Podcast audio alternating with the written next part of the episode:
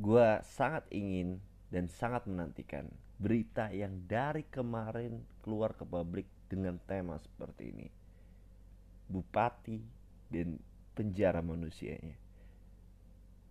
Lu pasti tahu kan akhir-akhir ini keluar berita di beberapa platform ada seorang buta eh butati lagi bupati dari sebuah daerah punya yang namanya penjara manusia. Waduh. Jadi ada suatu daerah ini gue juga baru dengar enggak baru dengar mungkin baru mencari tahu dengar sudah lama jadi daerah tersebut e, bernama Langkat Kabupaten Langkat gue googling dan baca di Wikipedia adalah sebuah kabupaten yang terletak di Sumatera Utara Indonesia. Ibu kotanya berada di Stabat. Nah gimana? Kabupaten punya ibu kota ternyata. Hmm, menarik. Wow. Jadi siapakah Bupati Langkat ini? Jadi Bupati Langkat ini terjerat kasus korupsi. Eh, ya, ya, ini ini gue agak mundur sedikit gitu loh yang terkait dengan korupsi gitu dan lu harus tahu dan mengenal dulu siapa orangnya. Jadi ini gue bacain profil dari Bupati Langkat bernama Terbit Perangin-angin. Nah, terbit perangin-angin namanya sangat Indonesia sekali ya. E, nama Bupati Langkat terbit per te, sorry, nama lengkapnya ya, terbit rencana perangin angin tengah ramai diperbincangkan karena terjerat kasus korupsi. Tidak hanya terjerat kasus korupsi, ternyata Bupati Langkat juga terjaring operasi tangkap tangan atau OTT dari Koperasi Pemberantasan Korupsi atau yang disebut dengan KPK pada Selasa 18 Januari 2022. Karena kasus korupsi ini banyak yang mencari tentang profil siapa Bupati Langkat terbit rencana perangin angin mulai dari partai hingga nama lengkapnya. Nah, intinya wow, banyak yang akhirnya ini ini it's a good news buat Langkat ya. Jadi karena beliau meskipun tidak dalam hal yang positif, jadi nama dari daerah ini kayak terdongkrak gitu ya dalam popularitas bupatinya sendiri yang tertangkap KPK kayak aku mau dong wisata ke Langkat kita ada nggak sih dari kalian yang kayak jadi pingin wisata ke sana karena Bupati Langkat kayak dan unik banget gitu loh dia ini jadi ini gua gua harus gue penasaran asal mulanya jadi beliau bernama asli terbit rencana perangin angin lahir 24 Juni 1972 dan saat ini tengah berusia 40 tahun. Pas 40 ya. Oke. Sebentar. Ini berita DIY gimana sih perkiraan rakyat.com? Kenapa ditulis? Ini gua ambil dari berita DIY uh, dot rakyat.com ya. Dan saat ini tengah berusia 40 tahun. Tolong matematikanya diperbaiki 2022 dikurangin 1972 itu jalan 50 bukan tengah berusia 40 kalau harus berusia 40 itu harusnya dia sudah 40 dulu ya. Tolong tolong. Dimengerti yang begini-begini istilah-istilah ini jangan kayak ini editornya Aziz Abdillah ini tolong juga dilihat yang seperti ini ya. Jangan sampai karena beliau tersangka korupsi jadi ngasih informasi sembarangan gitu. Uh, sebelum ini ter, ini gue agak-agak bingung nih bacanya. Dan gue nggak ngerti ini sebuah kebanggaan atau gimana ya. Gue harus ngebahas tentang beliau. Terbit rencana peranginan yang diketahui merupakan tergabung dalam partai Golkar dan memang aktif sebagai politisi sejak 2004 sebelum menjadi Bupati Langkat Sumatera Utara terbit rencana peranginan angin merupakan ketua DPRD Kabupaten Langkat Sumatera Utara pada 2014 hingga 2018 Oke. Selain dikenal sebagai bupati dan mantan ketua DPRD, ia juga aktif dalam organisasi kepemudaan. Seperti ini gue agak kasih jeda biar lu mikir organisasi apa ya kira-kira yang dipimpin oleh beliau. Gue bacain. Ini lu tebak deh gue kasih kasih clue. Punya seragam sendiri katanya punya mobil tempur sendiri dan seragamnya mirip-mirip tentara tapi warnanya agak custom. Kayak lu beli skin Mobile Legend gitu ya. Jadi bisa di custom warna-warna skinnya gitu. Kalau misalkan TNI kan hijau hitam ya camouflage gitu ya. Ini camouflage intinya camouflage itu di kebun-kebun ini ya kebun-kebun jeruk gitu ya, ya kayak ada ada oren-orennya dan hijau gitu.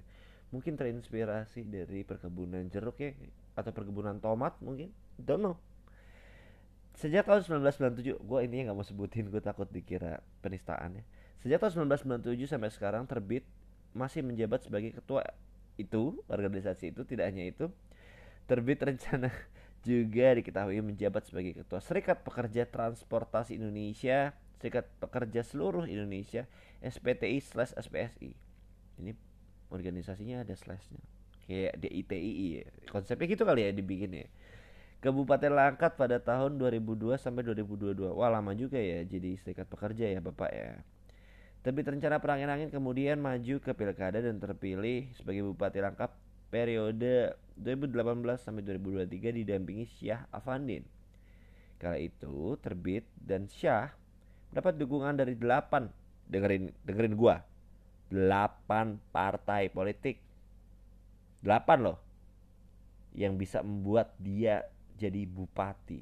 Hanura P3 Golkar PAN PBB PDIP Gerindra dan PKB 8 partai ini semuanya lo tahu kenal partainya apaan dan tokoh-tokohnya siapa lo tahu. Dan sebagian besar jadi satu kecuali Demokrat di sini. Gila nggak tuh? Semua partai jadi satu untuk mendukung yang asal menang aja. Ini ini bahaya loh kalau buat gue sebagai informasi Bupati Langkat yang kini sudah dinonaktifkan sejak ditangkap OTT KPK diduga terlibat dalam tindak pidana korupsi kasus suap proyek pembangunan infrastruktur yang ada di wilayahnya. Hmm, oke. Okay. Dia korupsi sesuatu yang ada di wilayahnya. Agak standar ya, Bapak. Hmm, lang eh, terbit babak terbit ini gue pak ter pak ter agak standar ya korupsinya karena misal kalau lu bupati di Langkat terus korupsi di Langkat itu standar kalau buat gue why? Misal nih pak terbit punya maksud gue gue akan lebih apresiatif ya buat pak terbit perangin angin terbit rencana perangin angin nama lengkapnya. Kalau beliau berani wah bupati Langkat ini misalkan ada berita bupati Langkat tertangkap terjaring aduh apa apa bahasanya gue nggak terlalu jago terjaring OTT KPK dikarenakan korupsi pengadaan infrastruktur di Jakarta. Ih, keren banget sob, ngerti gak sih? Langkat itu kan jauh ya dari pembangunan-pembangunan di kota-kota besar seperti Jakarta, tapi dia bisa korupsi yang di Jakarta. Itu keren. Kalau buat gini menurut gue sih lo level lah ya. Maksudnya korupsi-korupsi ecek-ecek gitu loh kayak aduh membodohi ya maksudnya kasarannya kan gue yakin beberapa daerah di Indonesia belum benar-benar terpenetrasi dengan baik sama pendidikan. Di mana bukannya kita harusnya ngedongkrak sebagai pemimpin pendidikan di sana kualitasnya seperti apa tapi dia memilih untuk membodoh-bodohi rakyatnya sendiri. Gila nggak tuh? Ya zolim pak kamu pak. Zolim. Ya. Nggak ngerti ya gue kenapa kenapa apa ya? Duh gue kadang nggak habis pikir ya gue tuh yakin orang yang tertangkap OTT segala macam it's not his first rodeo. Bukan pertama kali dia korupsi. Gue nggak tahu cara kerja KPK gimana cuman gue suka curiga dan suka curious why orang-orang yang terjaring KPK seakan-akan mereka di, diasumsikan bahwa itu first rodeo mereka. Oh bad luck mereka karena kayak sekarang gini. Misal kalau lu apa ya? Misal lu kuliah ya karena ada standar nilai E nilai E sampai dengan tidak lulus. Nilai E tidak per, nilai E yang perda, lu pertama dapetin itu langsung dapat hukuman di mana lu tidak lulus mata kuliah dan harus mengulang di semester berikutnya. Ya itu langsung ketahuan. Tapi kalau korupsi kan nggak bisa gitu loh ketahuan ya jadi kan harus dicurigai kemudian OTT dan gue nggak ngerti kenapa harus OTT sih maksud gue ini buat pelajaran pada pejabat terkait yang bisa membuat sistemnya membaik OTT dan banyaknya berita OTT lainnya itu adalah tanda di mana negara kita itu buruk dalam hal mitigasi terkait pidana korupsi. Kenapa? Gak tercatat semua dengan baik. Berkali-kali ini terulang dan terulang dan terulang. Dan tidak dilacak kayak gue bilang, gue nggak yakin ini first rodeo-nya dia, nggak yakin, nggak yakin gue. Dan ya itu harus dicek juga gitu loh. Oh ya dari awal dia berkarir di politik kan sudah lama tolong KPK semua hal yang lu pernah tangkap semua orang yang lu pernah tangkap terkait KPK terkait korupsi lu harus lihat gitu dari awal dia masuk ke pemerintahan gimana di partai dia bayarnya seperti apa ini sebenarnya kan dampak sistemik yang tergenerate karena sistem yang salah karena sebuah adanya sistem yang dibuat oleh manusia-manusia memang dahulunya melegalkan dan gue nggak bisa bilang melegalkan ini udah pasti nggak legal menormalisasi hal-hal seperti ini. Gue yakin di kepala-kepala masyarakat awam, ya politis, eh salah, politisi berarti pembohong, politisi berarti koruptor. Itu akan selalu digeneralisir seperti itu kalau misalkan seperti ini kualitasnya. Apakah itu salah mereka seorang? Enggak, salah pemerintahnya juga kok. Maksud gue, apa susahnya sih? Langsung, maksud gue kalau memang korupsi tidak bisa ditoleransi, tolong langsung buat sistem yang strict strict gue nggak harus minta mereka dihukum mati terus gimana caranya Mas Bernard nah, ini ada yang nanya gitu ya karena gue yakin podcast gue juga nggak ada yang dengerin juga anyway caranya gampang misal siapa ya? Gue nggak mau nyontoin orang langsung. Takut takut pencemaran nama baik. Ada Pak Pak Z Pak dan Bu Pak Z punya istri Bu Y. Bu Y punya anak Bu A eh D A D B D C gitu ya. Ada ABC nama anaknya. KPK harus melakukan semacam filtrasi untuk circle-nya mereka satu itu supaya tahu apakah ada dana keluar di sekitarannya. Dan memastikan keluarga inti dan sekitarannya miskin. Miskin dalam artian apa pak Bernard? Nih kita berdaya lagi. Jadi gini miskin yang gue harapkan adalah lu dimiskinkan bener-bener Loh, terus batasan miskin bener-bener itu apa? Lu tidak menjawab pertanyaan gue pak. Gitu ada yang nanya ke gue misalkan. Gue jawab Kita miskinkan dia yang terbiasa dengan gaji mewah dan foya-foya. Untuk hanya punya di rekening sebesar 4 juta rupiah di Kalau misalkan di Jakarta Karena UMR Jakarta 4, something juta. Gue pengennya misalkan langkat ini gue coba sambil cari UMR langkat ya. Gue penasaran UMR langkat. 2022 gue agak batuk dikit 2,7 nah lu harus buat bapak ini pak terbit itu apa ya mempunyai rekening mempunyai uang dan total aset. Total asetnya lu sita lah rumah segala macam lu sita dan lu harus telanjangi dia. Nggak bisa telanjangi terlalu berlebihan. Maksudnya keluarga inti ini hanya boleh punya baju yang dikenakan saat itu dan pak bupatinya dan keluarga hanya boleh punya satu rekening dengan nominal UMR let's say di langkat 2,7 kasihlah segitu. Dan ya maksudnya terlepas dari dia harus bayar berapa dan balikin berapa ya.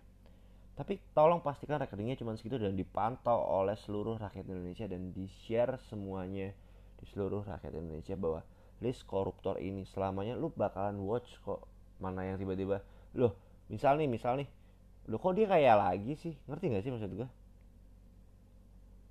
Itu loh maksud gua. Kan kita nggak tahu koruptor-koruptor kemarin gimana kabar. Terus story 2018 gua masih di BUMN pernah ada Travel Fair, GATF Garuda Travel Fair.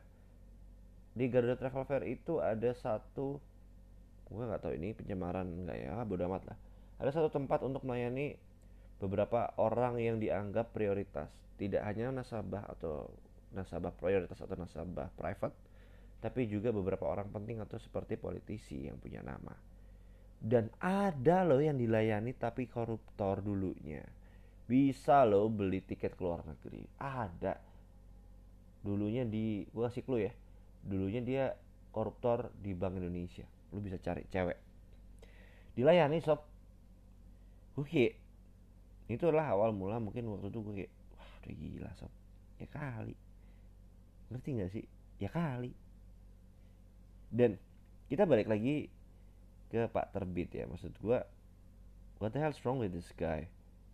Jadi KPK selain juga OTT dengan uang segala macam dia bilang ada dua ruang kerangkeng manusia di rumah Bupati Langkat.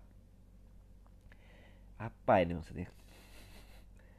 Jadi Wakil Ketua Komisi Pemberantasan Korupsi Nurul Gufron mengungkapkan peristiwa penemuan kerangkeng manusia di rumah Bupati Langkat, Sumatera Utara. Uh, gimana sih bacanya? Bingung, gue nggak ba gak bakat baca berita. Gitu. Gufron berujar saat itu, ah basi lah gue terlalu bertele-tele ini podcast gue nih. Intinya penyelidik KPK memang menemukan ruangan sebanyak dua ruang yang terlihat sebagai ruang berkerangkeng di area dalam pagar rumah Bupati Langkat karena pada saat itu tim KPK ke rumah tersebut untuk mencari bupati yang ternyata sudah tidak di tempat KPK kemudian hanya mendokumentasikan karena harus melanjutkan pencarian yang bersangkutan pada saat itu. Komisioner berlatar akademis ini menambahkan pihaknya terbuka untuk menjalin kerjasama terkait pengusutan dugaan perbudakan modern. Maksudnya apa sih? Perbudakan modern. Apa perbudakan modern tuh ya? Nih, duh istilah-istilah kayak gini nih bahaya nih. Orang-orang bisa gagal paham. Perbudakan modern menurut gua adalah startup yang berbasis fintech. Nggak berbasis fintech startup yang berbasis teknologi tapi ya karyawannya remote work from home tapi kerjanya 24 jam. Itu perbudakan modern. Kenapa ini perbudakan modern? Gua nggak ngerti nih. KPK akan terbuka untuk bekerja sama dan akan mendukung penegak hukum lainnya jika membutuhkan keterangan dan dokumentasi yang KPK miliki Bola Sumatera Utara saat ini sedang mengusut dugaan perbudakan modern yang dilakukan oleh Bupati Terbit. Di kediaman pribadi Ketua DPD Golkar Langkat itu terdapat dua bangunan kerangkeng yang disebut-sebut digunakan menahan orang-orang yang bekerja di kebun sawit milik Terbit. Wow. Katanya sih ya alibinya itu buat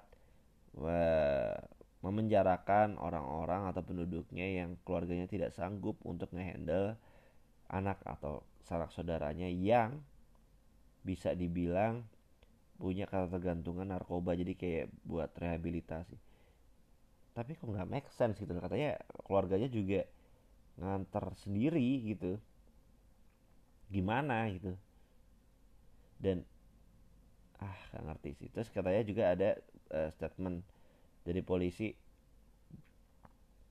Ini dari Polri menyatakan manusia eh, kerangkeng manusia di halaman rumah bupati tidak berizin. Sebentar. Sebentar. Dia bilang tidak berizin tidak terdaftar sesuai dengan undang-undang. Maksudnya apa sih tidak berizin ini? Gua gak ngerti gua.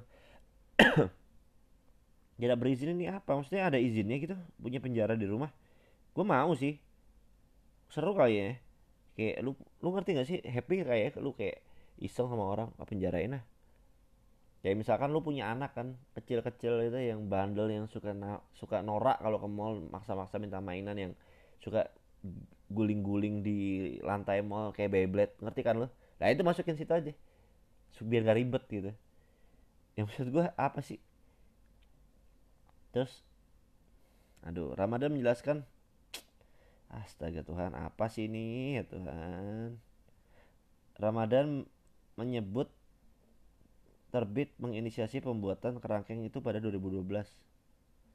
Gimana sih? Kok nggak tahu polisi? Saya nggak mungkin sih sebenarnya nggak tahu. Ada apa? Ini juga harus ditelusuri kok bisa gitu loh. Ada ada ada penjara di rumah orang. Tapi pertama kali gue denger gue happy ya karena kayak gue kira itu cuma di film-film sob. Eh ada beneran. Anjir Edan Edan bro udah pada gila orang-orang kok 2012 dia punya kerangkeng kok diem aja polisi-polisi itu gimana ceritanya Sebagai informasi, kerangkeng itu ditemukan di lahan belakang rumah Bupati Langkat, Sumatera Utara, terbit rencana pelangin pasca kegiatan OTT. Ketua kami Grand Care Anis Hidayah mengatakan temuan kerangkeng manusia ini membuka huh? Gimana? Hah? Hidayah mengatakan temuan kerangkeng manusia ini membuka. Loh berarti dia mati dong? Wih. Wah udah gila. Geblek. Eh gimana sih? Katanya sih memang dibuat perbudakan buat hmm, pegawai kelapa sawit. Tapi kok dia mati? Ada tengkorak anjir men. Di film-film bro. Seru bro. Edan kok kok bisa gitu? Kok bisa sih? Ini orang-orang sekitarnya nggak ngerti gitu apa? Kayak gue gue nggak ngerti ya cara penasaran gitu lah caranya Pak Bupati Langkat ini sampai akhirnya dia bisa menggiring orang-orang yang disebut dengan pekerja atau budak itu ke selnya. Maksudnya dia pasti punya kayak armada sendiri ngerti nggak lo? Kayak kayak punya apa ya anak buah tentara sendiri yang mungkin bukan tentara nasional Indonesia tapi tentara dedicated atau algojonya dia gitu loh Nah, algojonya dia apakah ngambil di organisasi? Ah, enggak dong. Enggak enggak enggak enggak mungkin, enggak mungkin. Gue kayak yakin aja seru sih ini maksudnya. Gue jadi kepikiran ya. Tapi gue pengen kepikiran hal-hal baik. Gue pengen punya ide startup. Kayak ada beberapa orang tuh sebenarnya kan gue yakin setiap orang tuh punya kelebihannya masing-masing. Otak manusia juga dibuat kurang lebih juga sama. Gue nggak yakin ada orang bodoh bahkan. Mungkin karena ini gue kayak seru kali ya kalau bikin startup. Karena ada startup namanya ternak uang gue pengen bikin ternak orang. Nggak nggak bercanda. Cuman anyway katanya kan itu dibuat dibuat pekerjanya tapi tapi gue nggak ngerti ini bisa, jadi ada case yang lain kayak misalkan kan lu pernah tahu ada kadang supir bluebird juga ada mes ya? Ya mungkin ini mes gitu loh buat buat pekerjanya pak terbit di perkebunan sawit. Jadi tapi tema tapi temanya tematik gitu loh mesnya kayak tematik tematik kayak sel-sel penjara biar kayak loh pak ini kok kamar saya kayak selnya enggak bro emang gua orangnya suka tematik gitu sih loh maksudnya gimana pak? Ya, kayak gue tuh dulu tuh kayak suka nonton price, uh, price prison break. Prison break kayak oh penjara itu kayak gue pengen bikin kasur gue kayak penjara kamar gue kayak penjara ah gitu kayak. jadi gue ngeset mes lo tuh biar lu betah di situ kayak kayak lu juga mengilhami dan dan menginspirasi diri lu. Wah seru ya. Jadi apa ya ngomongnya? Hmm, role play jadi tahanan gitu loh. Padahal kan dia juga bukan tahan mungkin dia suka orangnya kayak berimajinasi pengen kamar. Kan ada kan orang yang wah kamar aku konsepnya pengen mediterranean gitu. Oh kamar aku konsepnya pengen kayak luar angkasa gitu. Tapi ini Bupati Langkat is the best. Kayak kamar-kamar pegawai aku yang di perkebunan harus didesain seperti penjara-penjara di prison break gitu paling paling gitu dulu ya. Gue gua banyak banyak ngaco nih ngomong gini nggak nggak cocok gue ngomong ginian sebenarnya. Tapi ya anyway stay safe. Omikron lagi padet see you semuanya. Dan stay alive. Bye bye